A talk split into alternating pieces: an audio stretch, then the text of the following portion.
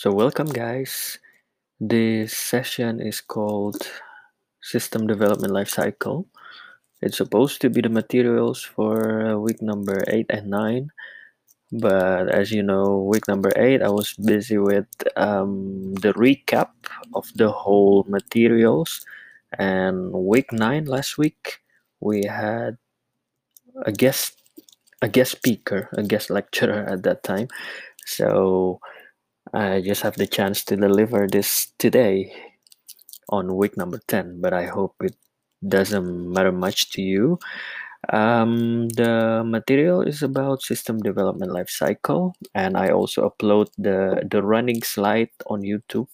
You can also access it on YouTube, but this is the the voice version recorded voice version of um, of me explaining to you what is system development lifecycle. Okay, so I hope by listening to this recorded voice, you are opening the PowerPoint.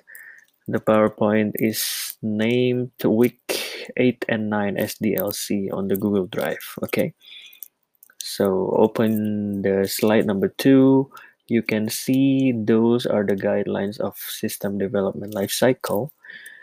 And the definition of system development lifecycle is actually a life cycle of the system itself is just like a living creature is having a life cycle just like human can be uh, well the first one is we are born and then we become young we grow we become young and then we become adult and then we become old and then decline and then die.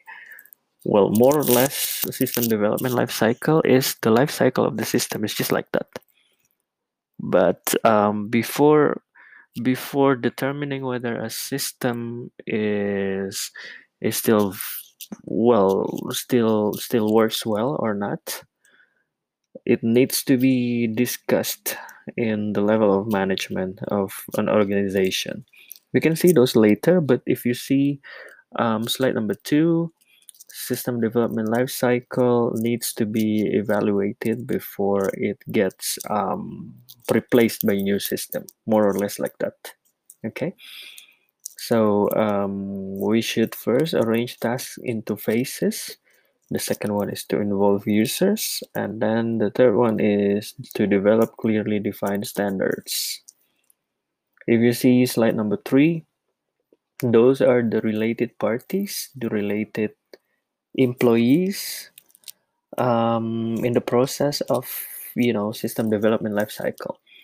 So who participates in the system development lifecycle? You can see those here.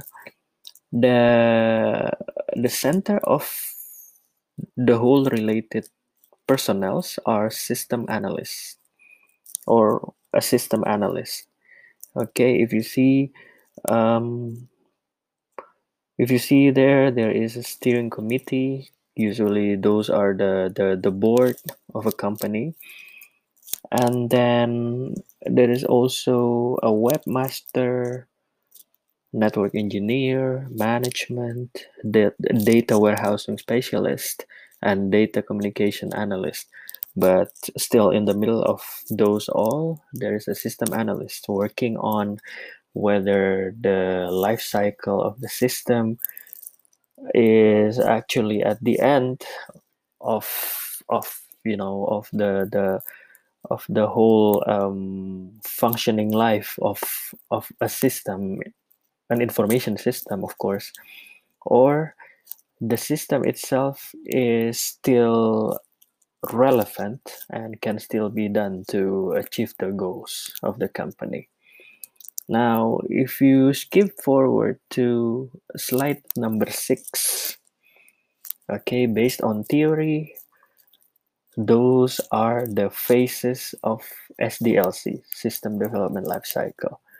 So more or less, it's the simple process. No, mm, well, it's not only process, but it's the simple, uh, simple elements, simple sequences of of management because it's related to planning, analysis, design, implementation, and maintenance. if you see in this slide, this is still a normative normative um, discussion, right? But let's see later that, um, for example, slide number seven, system development life cycle needs to be feasible. And the system development life cycle needs to fulfill more or less four. Well here in the theory in the slides it shows four feasibility tests.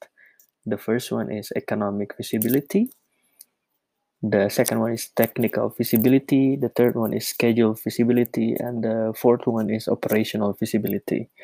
The first one is of course economic. It's related to cost and benefit. It's related to money or the well it's it talks about the money the money that the company has. And the second one is technical feasibility is the the the, the you know the equipment or technical infrastructure that the company has and can can support the system. The third one is schedule feasibility, whether the system can can run through like a fixed schedule or or time period. And the fourth one is operational feasibility whether those system can can support the op- operational um, operational sides of of of the company's activity Right, so um, I will not go into details because you can actually read it at home, these slides, and I don't think every single slide is important, but more or less I will jump into well, okay. Anyways, these slides will be will be splitted into two meetings. Okay, on the upcoming meetings, I will try to come back come back and explain these slides, some of the slides, not every slide, of course, and to explain to you the the the practical example of system development lifecycle in the real life. But now, let's jump into slide 21. You can see the title of the slide is actually SDLC the 2020s. SDLC nowadays is like this. So it's not anymore the planning, analysis, implementation, evaluation, those normative stuffs. But you can see here, more or less, it's the same, but um, it's more specific. It has more phases, right? Planning, analysis, design, implementation, and then there is testing and integration. And the sixth one is maintenance. So more or less the software development cycle software here means also means information system right? So more or less these six repeating phases are the life cycle of a system. Well this these are just the theory but in the upcoming meeting i will explain you about the practical um, use of of of life cycle of system development life cycle. Right so um, if you go i will just skip this. Well lots of lots of um, util slides actually. I mean these slides not everything is useful actually because some of the slides are quite old and not relevant anymore, so I better skip them. And I would like to close this recorded session in like one or two minutes ahead. But before I close this recorded session, please go into the last slide, slide number 31. So if you can see there, um, this is this is like an additional material so if you see there are two links, these links are clips from this movie, The Internship. Okay, this movie is a comedy. It was released on the 2015 or 2016. I don't really remember, but um, well, to be clear, this is not a really good movie actually because this is like a relaxing movie. It's a comedy. It's a comedy uh, that you can enjoy brainlessly. but I put it here because I think the this movie, The Internship, the first one is that this is the first movie which has the official collaboration with Google and it was shot in Google. So the whole movie was shot in the Google headquarters in Silicon Valley in California, United States at that time. And the second one, why I showed you this movie and I would like you to watch these two short clips on YouTube. You can copy the link and paste it into your browser and then you can play it on YouTube.